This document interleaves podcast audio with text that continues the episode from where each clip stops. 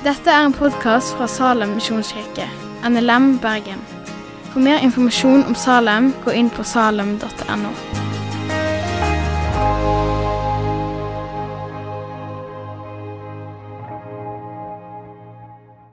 Det er taleserien som vi er i, både i lørdagsgudstjenesten, i eh, søndag formiddag klokka 11 og søndag klokka 19. Og Vi kjører samme taleserie på alle tre møtene fordi vi ønsker at menigheten sammen skal få gå i eh, akkurat det vi snakker om nå. Eh, jeg syns det, det, er kjempespennende å forberede seg til disse talene.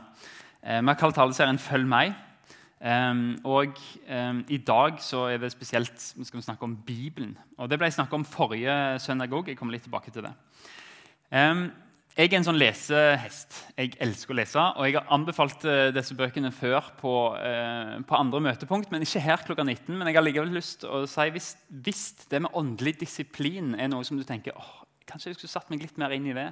Hvordan er det praktisk å følge Jesus i, når vi lever nå i 2020? Så er det eh, fire bøker som jeg er blitt veldig glad i. Eh, en som heter 'The Ruthless Elimination of Hurry'. Uh, 'Celebration of Discipline', 'Kunsten å forme livet' og 'Disiplerytmer'. Og dette er eh, tre av de relativt nye bøker, og én er en klassiker. Så det er gode bøker hvis du vil sette deg inn i det. I dag så er temaet 'Inn i Bibelen'. Um, og dette er kanskje noe som har vært mitt vitnesbyrd eh, de siste åra. Um, egentlig de siste tiåret, kanskje. Men eh, jeg skal ikke springe foran meg sjøl. Men det med åndelig disiplin um, det, kan, det, er veldig mange tror jeg, som tenker at det er for åndelige kjemper. Det er for munker og nonner. Men sannheten er at åndelig disiplin det er for alle. De som studerer, de som jobber, de som tar oppvasken, de som har barn de skal legge. Det er for fellesskap i familien, i smågrupper. Det er for absolutt alle med åndelig disiplin. Bibelen antar at kristne driver med disse disiplinene som vi snakker om. Det er for alle. Og det er verktøy. Og vi tenker liksom, ah, men er det noe som Skal vi gjøre det for å bli frelst? Men sannheten er at åndelige disipliner er verktøy for å hjelpe oss i vår hverdag til å bare sette oss ned med Jesu føtter og være der. Det er et verktøy som vi bruker for å sette oss på en plass der Den hellige ånd får jobbe med oss. Det er verktøy for å erstatte gamle og destruktive tanker og tankemønstre og vaner med nye, livgivende vaner. Det er det åndelig disiplin handler om. Målet er åndelig vekst. Målet er eh, å bli mer lik Jesus. Og Derfor kaller vi taleserien 'Følg meg'. Fordi når disiplene fulgte Jesus, så var det ikke bare 'hør hva jeg har å si', men, men Jesus sa 'følg meg'. Gå etter meg. Sove der jeg sover. Treff de menneskene jeg treffer. Ha min rytme. Og så lærte han dem. Hvordan ser det ut?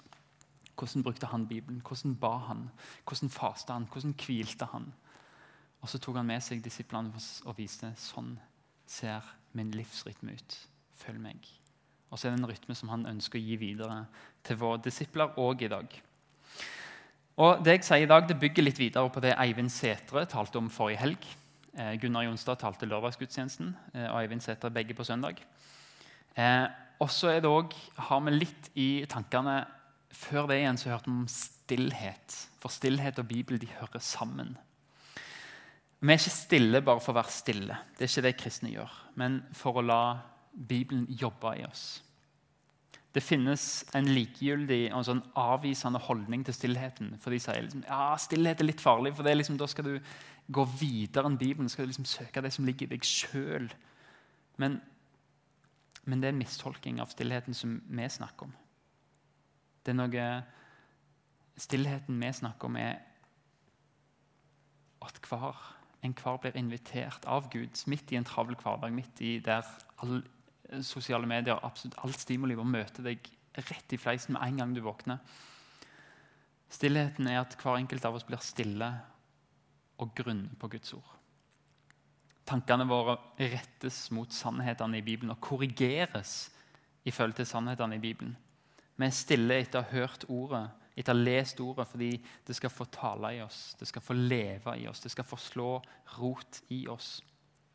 Og I dag det tror jeg jeg kan si med ganske god erfaringsbasert bakgrunn. Jeg har snakka med ganske mange studenter og voksne i det hele tatt som går i Salem. Og jeg ser at overfladiskhet i kristenlivet er et ganske stort problem. Ikke bare i Salem, altså. jeg tror det gjelder jevnt over. Men overfladiskhet er et stort problem for dagens disipler. Vi er ikke vant med stillhet. Vi er ikke vant med å grunne på Guds ord fordi vi hele tida utsetter oss for nye impulser. Og Vi har jo mobiltelefoner i lommen. Det er akkurat som å stå i et rom. Eh, dette er han Årebåt Kilde som skrev i sin bok 'Kunst om form og liv'. Men å ha en mobiltelefon i lommen det er akkurat som å stå i et rom der det en milliard, en og en halv milliard mennesker vil prikke deg på ryggen til enhver tid og si 'jeg har noe interessant'. jeg har noe interessant, jeg har noe interessant. Og det er det dagens samfunn er. at Av og til må vi greie å legge det vekk og tenke Gud, hva er det du vil si meg? Og være stille og la det jobbe i oss. Hvor ofte preger stillhet deg? Hvor ofte er bibellesninger preget av at 'Å, se en fugl. Der skjedde noe.' Gir vi oss tid til å lese Bibelen? Eller er det overfladisk, raskt og bare stresse igjennom fordi å krysse av det kapitlet på leseplanen? Lar du teksten jobbe med deg, eller blir det bare en sånn ferdig? Jeg snakker til meg sjøl òg nå. Men Bibelen er hovedverktøyet for oss til å oppleve forvandling og bli mer lik Jesus. En kristen som bruker tid på gudstjeneste, smågrupper, fellesskap og bønn og stillhet, men som ikke grunner på ordet, vil erfare veldig liten åndelig vekst. At jeg kan gå mot en sånn åndelig depresjon der du ser at det skjer jo ingenting. Jeg er jo på gudstjenester, jeg er jo i fellesskapet, men, men får dette prege tankelivet ditt og følelsene dine, og væremåten din og handlingene dine? Vi skal lese Salme 1. og jeg har tatt, tatt med, altså I utgangspunktet så er det mange teologer som tenker at Salme 1 og Salme 2 er skrevet sammen som en intro til Salmenes bok. Så Bare for å eh, ta med et lite poeng, så, så, har jeg tatt med første vers fra Salme 2 når jeg leser nå. Salme 1 og to, til 2.1 står det Salig er den som ikke følger lovløses råd. Ikke går på synders vei og ikke sitter i spotteres sete, men har sin glede i Herrens lov og grunner på Hans lov dag og natt. Han er like tre plantet ved rennende vann. Det gir frukt i rett tid, og løvet visner ikke. Alt han gjør, skal lykkes. Slik er det ikke med de lovløse. De er lik agner som spres for vinden. Derfor kan ingen uskyldige bli stående i dommen, ingen syndere i flokken av rettferdige. For Herren kjenner veien de rettferdige går, men de urettferdiges vei fører vill. Hvorfor er folkeslaget i opprør? Hvorfor grunner folkene på det som er forgjeves? I Bibelen så leser vi om Isak. Det står en plass at han gikk ut på marken. Det samme ordet kan si at Isak gikk ut for å grunne, for å meditere. Og så ser han bruden Rebekka komme. Vi leser om salmene der det er egentlig meditasjon. Hele Guds folk blir skrevet i sangform. Um, vi leser om Elia som lytta til Gud. Eller Eli som lærte Samuel å lytte til Gud. Elia var ofte i ødemarken og møtte Gud i den stille, skjøre vinden. gjorde han en gang. Jesaja og alle profetene hadde noen syner, men var det fordi de hadde grunner på det? Jeg vet ikke. Snakka Gud til dem fordi de ville lytte? Og Hvis vi går til Nytestamentet til Jesus, så ser vi at selv om Jesus var usedvanlig travel, så fant han plass til stillhet og det å være alene med Gud. Ikke bare det å være borte fra mennesker, men for å være sammen med Gud. Ikke bare sånn introvert åh, jeg trenger hvile, men sånn intensjonelt Nei, nå må jeg være med far. Han kjente Guds ord på en sånn måte som gjorde at han kunne bruke det i situasjoner og samtaler og fristelser. Når noe skjedde, så kunne Jesus bare av sitt indre bare, det velte fram bibelvers. Det ble hans bevis for å kunne gjøre det han gjorde. Han sa men jeg er bare lydig mot det far har sagt. Det å grunne på ordet. Mange kaller det meditasjon. Det er det samme grunner på Bibelen og meditere over det. Lytte til Guds ord. Det handler om å reflektere på det du leser, på Guds gjerninger. Hva, hva er det egentlig det sier om Gud, det som står her? Det å øve seg på hans vilje. Hva er det Gud vil? Hvordan kan jeg få det på innsida av meg og ut i lemmene mine? Det å drøvtygge hans ord. Og i Bibelen, ordet meditasjon, ordet å grunne på, det, det viser seg liksom at det understrekes gang på gang at det ordet det handler om en, handler om en oppførsel og endring i oppførsel til å være lydig mot Gud. Omvendelse og lydighet det er essensielle deler av det ordet meditasjon. Det å grunne på Guds ord. For det vil føre til omvendelse. Bare nei, Gud, jeg vil dette. Og det vil føre til lydighet. Det er den kraften Bibelen har. Det er Guds kraft til frelse. Paulus skriver det er Guds dynamisk dynamitt til frelse. Og så Likevel så møter vi det av og til som en sånn ah, Kryss av i appen. Der har jeg lest et kapittel ferdig. Og vi leser det som om det var Se og Hør omtrent. Utgangspunktet for meditasjon er at universets Gud, skaperen av alle ting Melkeveien og bare se på universet, se på stjernehimmelen, se på landskapet. Altså, han som har skapt det, ønsker fellesskap med deg og har gjort seg sjøl tilgjengelig for samtale i denne boka. Han når ut til oss. Han vil at den som vil høre, skal få høre han. Og Jesus modellerte det for oss, hvordan et liv i Guds rike kunne se ut. Han hørte Gud, han var lydig mot ham. Og Johannes evangeliet har flere plasser. Eh, poenget som viser at Jesus gjorde det han hørte Faderen si. Eller det han så Faderen gjøre. Han sa jeg, jeg bare gjør det Gud sier. Jeg bare gjør det Gud gjør. Det han gjør, det gjør jeg. Han var i Gud. Derfor visste disiplene hva det ville si når, når Jesus sa at eh, 'den som vil være i meg, bli i meg', sa Jesus til disiplene. Og de forsto det, fordi de så at Jesus sjøl var i Gud. Og de så at det betydde han hørte Gud og var lydig imot det. Og når Jesus sier 'bli i meg', så var det nettopp det de forsto. Oi, hør på han. Gjør det han sier. Så er vi i han. Vær rundt hans ord og gjør det. Det er basis for det å grunne på Guds ord, meditasjon og for bibellesning. Gud stoppa nemlig ikke med Jesus når det kom til å snakke til mennesker. Han arbeider i vår verden i dag. Den hellige ånd tolker Bibelen for oss. Der møter vi Jesus. Han er presten som tilgir. Han er profeten som veileder. Han er Herren som leder oss. Han er kongen som hersker.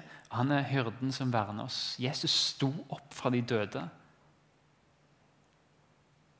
Og Det betyr at han kan møte oss i dag. Han har satt Bibelen som den viktigste arenaen for nettopp det. Og Kirkehistorien vitner om det. Vi kan lese om utallige folk som, som, skriver om sine erfaringer med bibellesning og hvordan det omvelter hele livet deres. Martin Luther, Thomas Aquinas, Thomas Akempis, Kempis, Ignatius of Loyola. Det er bare fullt av sånne vitnesbyrd. Og i dag så virker det som om vi bare nei, vi vil ikke se det. Tror vi ikke på våre søsken som har gått foran oss? Når de sier 'dette forandrer livet mitt'. Det forandra en hel situasjon i USA når de begynte å ta, ta det på, på alvor. dette. Når Martin Luther King gjorde noe med det. Eller William Wilberforce han hjalp oss å avskaffe slaveriet når, når, Bibelen fikk være med å forme hva er det egentlig som skjer her. Det kan forandre historien når kristne virkelig setter seg ned og tenker hva er det Gud sier? Hvordan ser det ut i mitt liv?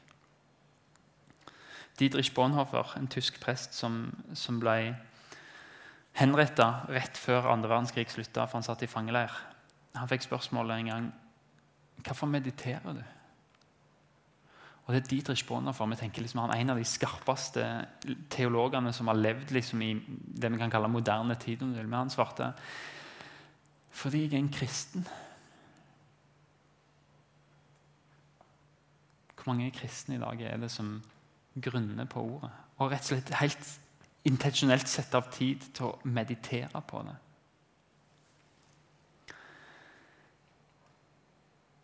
Har vi råd til å ikke ta imot Jesu invitasjon om å lytte til hans stemme og følge den?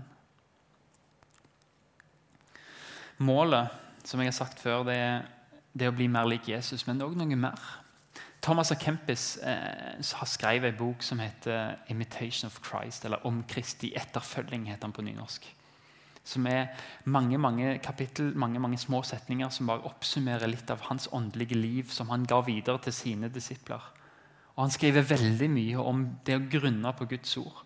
Og Et av de kapitlene der han skriver om det, handler om, om hjertelig vennskap med Jesus. Går det an å være venn av Gud? Ja, det gjør det. Det går an å få et intimt vennskap med Gud. For han taler til oss hele tida. Men hvordan tar du det til deg? Vi bruker tid med Jesus når vi grunner på Guds ord. Vi blir komfortable med at han taler til oss vennlig. Ja. Han refser oss og veileder oss, men vi tenker det er her jeg skal være. Dette er den beste plassen for meg allikevel. Vi lever det ut og erfarer hans trofasthet og sannheten i hans ord. Og så ser vi at dette er en venn jeg vil ha for livet. Vi grunner på ordet, vi prøver å gjøre det, og vi ser at Jesus er en venn som aldri kommer til å forlate deg.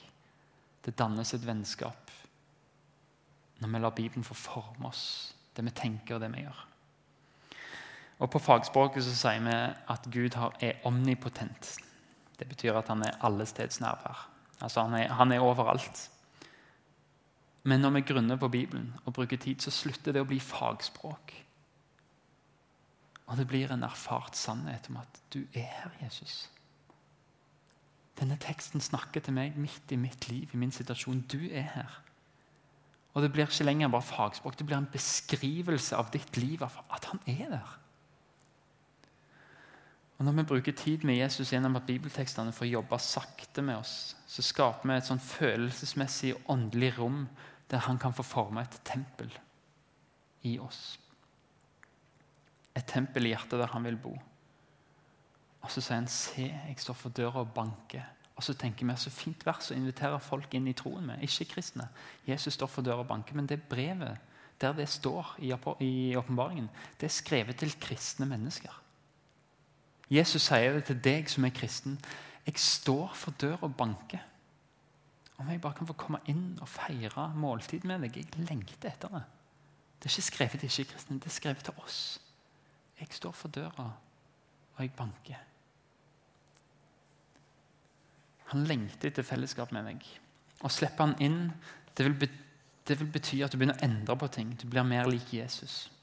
Det er en lang prosess, ja. En livslang prosess, men, men den er på vei når vi lar Bibelen få forme oss. C.S. Lewis, når han ble kristen, så, så beskriver han en gang at ah, jeg trodde det å flytte, at Jesus skulle bo i mitt hjerte, at det skulle bli så fint. og alt sånt, Men, men det jeg erfarer nå, er at han begynner å knuse vegger og flytte på dører og vinduer og skifte tak og ny isolasjon. og alt sammen. Hjertet mitt bare totalfornyes, og det gjør vondt. Så jeg spurte Gud hvorfor gjør du dette med meg. Jeg ville bare bli en kristen, jeg ville bare ha evig liv. Og i meditasjon så får han svaret Visste ikke du at ditt skur Ditt hjerte var et skur. Jeg er en konge. Det skal bli et slott. Og så erfarte han vennskapet med Jesus bare veve seg inn der. Dette vil jeg. Og det blir ikke lenger 'du skal ikke', 'du skal', men det ble 'jeg vil'. Jeg vil ikke, når det kom til budet. Det er det Bibelen gjør med oss. Den former tanker og vilje. Hjertet det vil svinge til den rette magnetiske nordpolen til Jesus.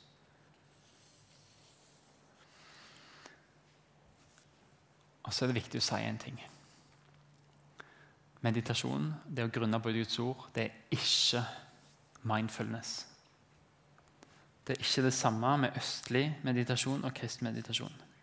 Fordi I kristen meditasjon så er fokuset på, på å høre Guds ord utenfra inn til oss. Å være lydig mot det, å være trofast mot det. I NRK 4. september, det er ikke så lenge siden, så sto det en artikkel om mindfulness. Eh, og Det er en form for meditasjon der hensikten er å oppleve sånn indre ro. At du skal finne roen i deg sjøl og fokusere på egne tanker og følelser. Og være til stede i nuet. Du skal stenge ute alt, og du skal kun finne fred i deg sjøl. Det er mye brukt som behandling mot depresjon, og angst og stress. og Det skal jeg ikke si noe om, for det har jeg ikke kompetanse til. Men, men nå er det flere internasjonale forskere som mener og har forska på at det er negative konsekvenser av meditasjon som har blitt oversett. Altså mindfulness som har blitt oversett i flere tiår. I en studie så fant de at 8% av de som har prøvd meditasjon, har rapport, rapportert om uønska effekter. Folk, altså skriver det her. Folk har opplevd alt fra en forverring av angsten til panikkanfall. I tillegg fant vi tilfeller der folk har gått inn i en psykose eller fått selvmordstanker. De vanligste bivirkningene var angst, depresjon, stress, vrangforestillinger og frykt. Det skjer når vi prøver å finne svar på absolutt alle våre problemer inni oss sjøl. Bare stenge ute alt. Bare nå skal jeg Det er meg. Hva kan jeg gjøre med dette? Og du går til dypet, og så ser du at ingenting. Jeg har ikke krefter til dette, jeg har ikke makt til dette, jeg har ikke kompetanse til dette. Og så faller du ned i et dypt hull der du ser at du sjøl er totalt hjelpeløs. Samfunnet sier at våre problemer kommer utenfra oss sjøl, og at løsningen finnes på innsida. Evangeliet sier rake motsetningen. Våre problemer kommer fra innsida, men svaret kommer fra utsida, som et lys inn i mørket. Målet med østlig meditasjon er å tømme sinnet og fokusere kun på deg sjøl og det du finner av ressurser i deg. Men i en bibelsk tanke så er det veien rett til avgrunnen. Du vil se at du kommer til kort i alt. Og Forskjellen til kristen meditasjon er at vi fyller sinnet vårt med Guds sannheter, som setter fri. Da kan vi få høre og grunne på sannheten om at vi er underfullt skapt. Vi er verdifulle. At vi elsker høyt nok til at en går i døden for oss. At Gud er kommet i skjød og vil ha fellesskap med meg det er sannheter som skaper et grunnlag for å basere et liv som, som kan påvirke verden rundt seg, og si at 'jeg er elska'. Ja, jeg vet at jeg inni her er mye rart, men det kommer et budskap her fra Gud som hva har det å si for meg? Hvordan kan dette få ut i livet mitt? Hvordan kan jeg, mine følelser bli preget av dette? Hvordan kan jeg få hjelpe mine medmennesker til å se dette? Da blir livet mindre menneskefrykt. Mindre slaveri av ditt eget egoisme og ditt egen synd. Mer fri til å elske mennesker. Mer fri til å legge ned sitt eget liv for andre. Fordi du ser at det er forbildet vårt. Jesus har gjort det samme. Kristen meditasjon har kraft i seg til å forandre verden totalt. Østlig meditasjon, mindfulness, har som mål å koble seg vekk fra den fysiske verden. Koble seg vekk fra egen personlighet for å bli en del av altet og for å nå nirvana. Jeg mediterer for å bare koble vekk fra alt. Fra jord, fra jobb, fra alt. Mens kristen meditasjon har som mål å koble på Gud og Jesus og Den hellige ånds kraft for å bety mer på jobb. Mer i relasjoner. Du kobler på Gud for å koble på verden og være her og bety en forskjell. Elske mennesker.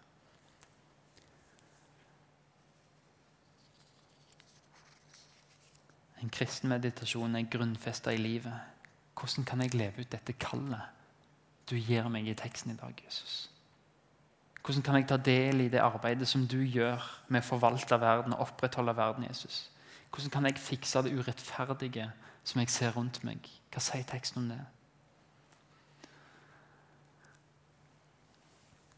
Helt til slutt så har jeg noen praktiske metoder som jeg har lyst til å gi til dere fire forskjellige måter som egentlig er ganske, ganske like å lese Bibelen på, men som kan hjelpe oss til en sånn praktisk. Men jeg har lyst til å dele bare mitt vitnesbyrd først. En gang så, eh, Dette var tidlig, enten slutten av tenåringen eller tidlig 20 år. Men jeg, jeg hadde veldig mye sleit med frelsesvisshet. Bare, jeg egentlig en kristen? Jeg ikke. Jeg så veldig lite forandring i mitt liv. Selv om jeg var kristen tenkte liksom at bare stemmer dette her i det hele tatt? Har det noe å si for livet mitt? Og Så leste jeg et vers i 1. Tessalonikerbrev 2,13. Der står det Derfor takker vi stadig Gud for da dere fikk overlevert det Guds ord som vi forsynte dere, tok dere imot det. Ikke som menneskeord, men som det Guds ord er sannhet der. Og dette ordet er virksomt i dere som tror. Så leste jeg det. Ok, Gud. Hvis dette ordet er virksomt i dere som tror. Hvis det ordet er virksomt i meg, så gir jeg deg en måned, Gud. Jeg skal lese Bibelen hver dag. Jeg skal sette meg ned og skal prøve å forstå det jeg leser. La det få påvirke meg. Og det var den avtalen jeg gjorde. Og når jeg ser tilbake nå, den vanen som ble skapt der, så er jeg aldri i tvil om at min utrustning kommer fra den vanen. For å bruke tid, og at Guds ord er virksomt i meg. Det har forandra meg i måten jeg er med andre mennesker på. Det gjorde noe med meg. Det, jeg, fikk, jeg fikk et kall. En utrustning. Frelsesvissheten sitter mye bedre. Det er ekstremt sjeldent der jeg begynner å lure på ah, jeg frelste ikke. Men jeg er så trygg i det som jeg leser, fordi Guds ord var virksomt i meg og forma meg og dro meg inn, utrusta meg. Det er mitt vitensbyrd. Det er derfor jeg tror at denne åndelige disiplinen er så avgjørende for oss kristne. Men hvordan skal vi meditere da? For jeg tror ikke du lærer det i en tale. Du lærer det ikke i en bok, men du lærer det med å øve. Sånn er det med alle åndelige disipliner. Det er øvelse, trening. Sakte, men sikkert. Det er et maraton. Ikke tro at du fikser dette på én dag. Begynn bare i det små. Og stillhet er viktig. Et sinn som plages og deles opp av alt mulig som skjer rundt oss, det har vanskelig for å fokusere. Og Kirkefedrene snakker om, om hellig fritid. Det er et ord vi skal ta tilbake igjen. Hellig fritid. Og Tanken deres da var at det har en balanse i livet der det har tid til å bare stanse opp og grunne når du ser noe i skaperverket. Når du ser noe, en kjærlighet utspille seg foran deg, og grunne på Guds kjærlighet. At å grunne på skjønnhet du ser rundt deg. Og til og med i arbeidsoppgaver, det er hellig fritid, å ha tid til å stoppe opp og hvile midt i arbeidsoppgaven. Og kanskje er hellig fritid noe du skulle rydde plass til i en tid der du er det du produserer, sier samfunnet. En motkultur må til. Nei, jeg vil ha hellig fritid. Og vi må være kompromissløse i kalenderen om du skal få det til. Det var en, Jeg spør, har spurt folk om å være konfirmantleder disse ukene. her, så var det en som sa det høres kjempespennende ut, og jeg har veldig lyst. Um, så jeg er litt usikker på med tid, og sånt, for jeg jobber litt med å få, få tid til stillhet og hvile i, i, i, i mitt liv. Og Det, det er åndelige disipliner vi har snakket om stillhet. Vi skal snakke om hvile. Og det var, det var, så enkelt for meg å tenke hvordan skal denne bli disippelgjort mest mulig. Er det å utfordre med flere oppgaver i konfirmasjonen? Nei. Ikke vær konfirmantleder, sa jeg. Begynn med hvile, begynn med stillhet. Og så ringer du meg heller hvis du kjenner at dette er plassen jeg skal være. Og Jeg tror det er så viktig for oss i Salem. Vær kompromissløs med kalenderen din. En disippel trenger hellig fritid til nettopp det her. Ha deg et sted, et fast sted, sånn at du slipper å leite. Gjerne utsikt til noe fint. hvor Det er egentlig ikke så viktig om det er et bøttekort, men du slipper å bruke tid på å finne her skal jeg sitte. Og Så har jeg fire metoder som jeg har lyst til å dele med dere. sånn helt til slutt. Eh, den første heter 5P. Den finnes fra Bibelportalen, eh, som Øyvind Benestad gir ut. Og Da er det 5 P-er. Og da kan du spørre deg selv, Når du leser en tekst sakte, går gjennom det, så spør du hva er poenget i denne teksten. Så finner du ut hva er hovedgreia. Finnes det noen parallelltekster? Det vil si, finnes det andre tekster i Bibelen som sier det samme, eller på en annen måte? Ofte evangeliene har samme historien på forskjellige vinklinger, kanskje. Men det står ofte i referanselitteraturen i de fotnotene under. Hva taler personlig til meg? Hva er perlen i teksten, altså puggeren? Og hva praktiske følger får dette for livet? Da har du fem måter å lese Bibelen på, som er veldig bra. Og Da får du gått gjennom en tekst på en veldig fin måte. En annen er Vidar Mæland Bakke i Disippelrytmer. Han skriver, Du kan bruke logg som et akronym. Først logg, så er lesning langsomt. Oppdagelser. Hva fenger oppmerksomheten din? Er det noe du ikke har sett før? Hva skjer i teksten? Må du undersøke videre for å forstå? Og så er det gjøremål. Hva kan du gjøre for å være lydig mot teksten? Er det noe å tenke over, noen å snakke med? Og så er det gjensvar. Snakke med Gud om det du har lært. Og ha stillhet så han får snakke. Det er én måte å gjøre det på. Og her eh, går det an å eh, notere eller ta eh, podkasten etterpå. Oddvar Søvik har skrevet en bok som heter 'Følg meg'. Og Der skriver han om at du har en metode som gjør at du kan få tak på Bibelen. Når han skal presentere hvordan leser du Bibelen, jo, du må få tak på den. Så sier han, For det første så har du lillefingeren når du tar tak i Bibelen. Det handler om å høre og lese. Troen kommer av budskapet en hører, og budskapet kommer av Kristi ord. Så han ringefingeren. En skal studere ordet. Sette seg ned og finne ut hva betyr dette ordet. Du har masse bibelordbøker, bibelkommentarer, leksikon i det hele tatt. Masse mulighet. Hvis folk trenger råd og tips til verktøy og bøker, så kan de gjerne ta kontakt. Det har jeg veldig lyst til å snakke om. Men studere ordet. Så langfingeren og memorere. Vi leste det i begynnelsen av møtet. Eh, det er en viktig del av det å grunne på ordet, å kunne det utenat. Og så har du pekefingeren, som er å meditere. Salig er den som ikke følger lovløses råd, ikke går på synders vei, ikke sitter i spotterstedet, men har sin glede i Herrens lov og grunner på Hans lov dag og natt. Og Det siste tommelfingeren det er å praktisere. Du må gjøre det ordet sier, ikke bare høre det. Ellers vil dere bedra dere selv. Og så skriver Oddvar Søvik du må bruke alle fingrene for å få godt tak på Bibelen når du leser.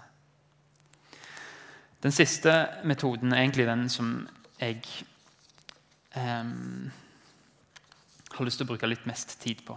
Det er ikke så lenge igjen. Det er en metode, så er jeg ferdig. Og Den heter Lectio Divina. Det er Gjennom kirkehistorien så er det dette den måten å lese Bibelen på som har blitt løfta fram hele tida. Fra, fra, gammelt av så liksom dette er den måten folk har lest Bibelen på, som har gitt forandring. Og Tanken bak er at noe skjer når Bibelen får nok tid i oss. Du forstår mer av en film når du spiller den andre gangen. så liksom, ah, der var det noe, stemmer ja. Og Det er ikke å følge en bibelstudie, det er ikke en leseplan, men å finne et lite avsnitt i Bibelen eh, og lese det.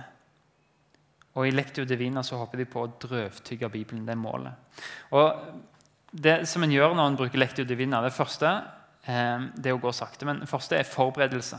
Legg vekk telefonen. Finn et godt sted, finn roen. Skriv ned ting som du vet du kommer til å si. det må jeg huske, det må jeg huske. Skriv det vekk. Skriv det på en post-it-lapp. Legg det vekk. Bare tøm hodet. Vær klar. Inviter Gud inn. Og be gjerne Salme 119, 18, åpne mine øyne, så jeg kan se det underfulle i din lov. Forberedelsen er viktig. Og så ved å lese selve lektio. Les sakte. Legg merke til ord, fraser, detaljer. Velg en kort tekst. Ikke rush det, men ta og se på hva betyr dette ordet, frasen. Hva betyr avsnittet? Stopp med enkeltord, la det jobbe. Herren er min hyrde. Herren er min hyrde. Jeg mangler ingenting. Hvordan sånne ord Prøv å fokusere. Hva, hva hvis dette er hovedordet? Hva hvis dette? Men teksten skal feste seg. Og pugg gjerne. Vi sier gjerne at åndens sverd er ordet. Og det er sant. Men åndens sverd er det som du kan utenat når du møter en situasjon. For Da begynner du ikke å slå opp i Bibelen. Bare, ja, jeg ble her, skal vi se, skal vi se, skal vi se. Men det som automatisk veller opp i deg, det åndens sverd, som han kan bruke i situasjoner. Det tredje er refleksjon, eller meditatio. Det er en sanselig innlevelse i teksten. Bruk sansene. Hva ser du? Hva føler du? Hva gjør det med, med sinnet ditt?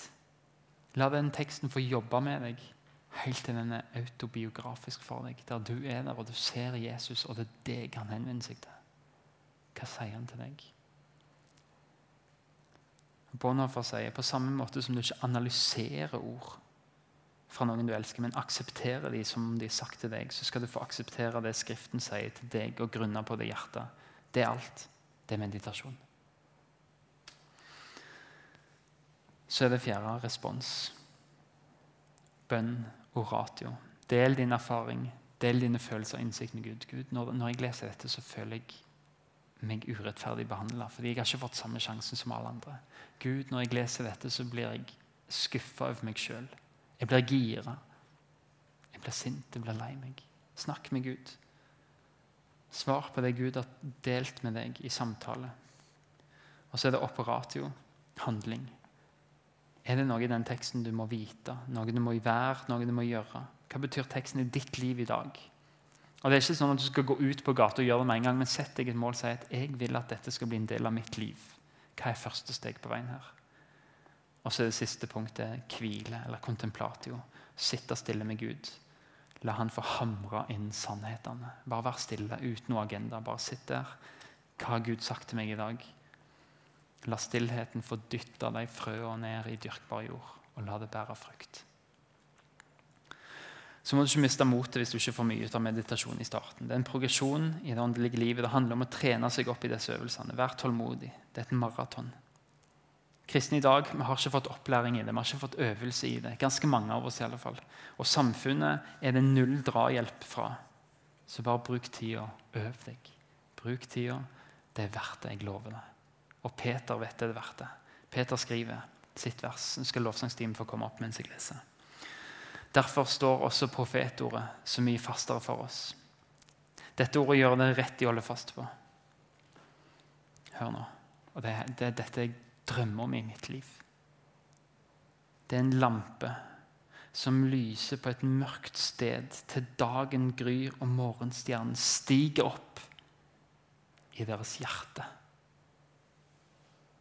Må dere men dere må framfor alt vite at en ikke kan tyde noe profeter i Skriften på egen hånd. For aldri ble noen profeti båret fram fordi et menneske ville det, men drevet av Den hellige ånd talte mennesker ord fra Gud. Herre Far, jeg ber om at du lærer oss å holde fast på ditt ord. La det få være en lampe som lyser på et mørkt sted helt til dagen gryr og morgenstjernen stiger opp i våre hjerter. Herre Far, tolk Bibelen for oss.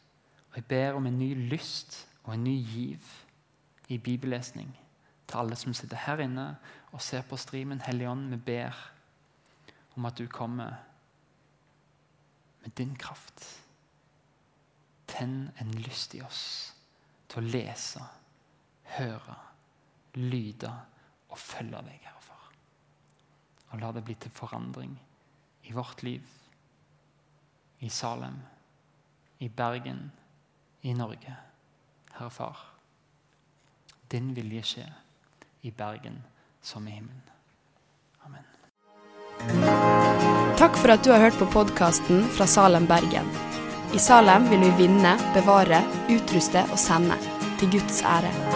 Vi ønsker å se mennesker finne fellesskap, møte Jesus og bli disippelgjort her i Bergen og i resten av verden. Vil du vite mer om oss, gå inn på salem.no.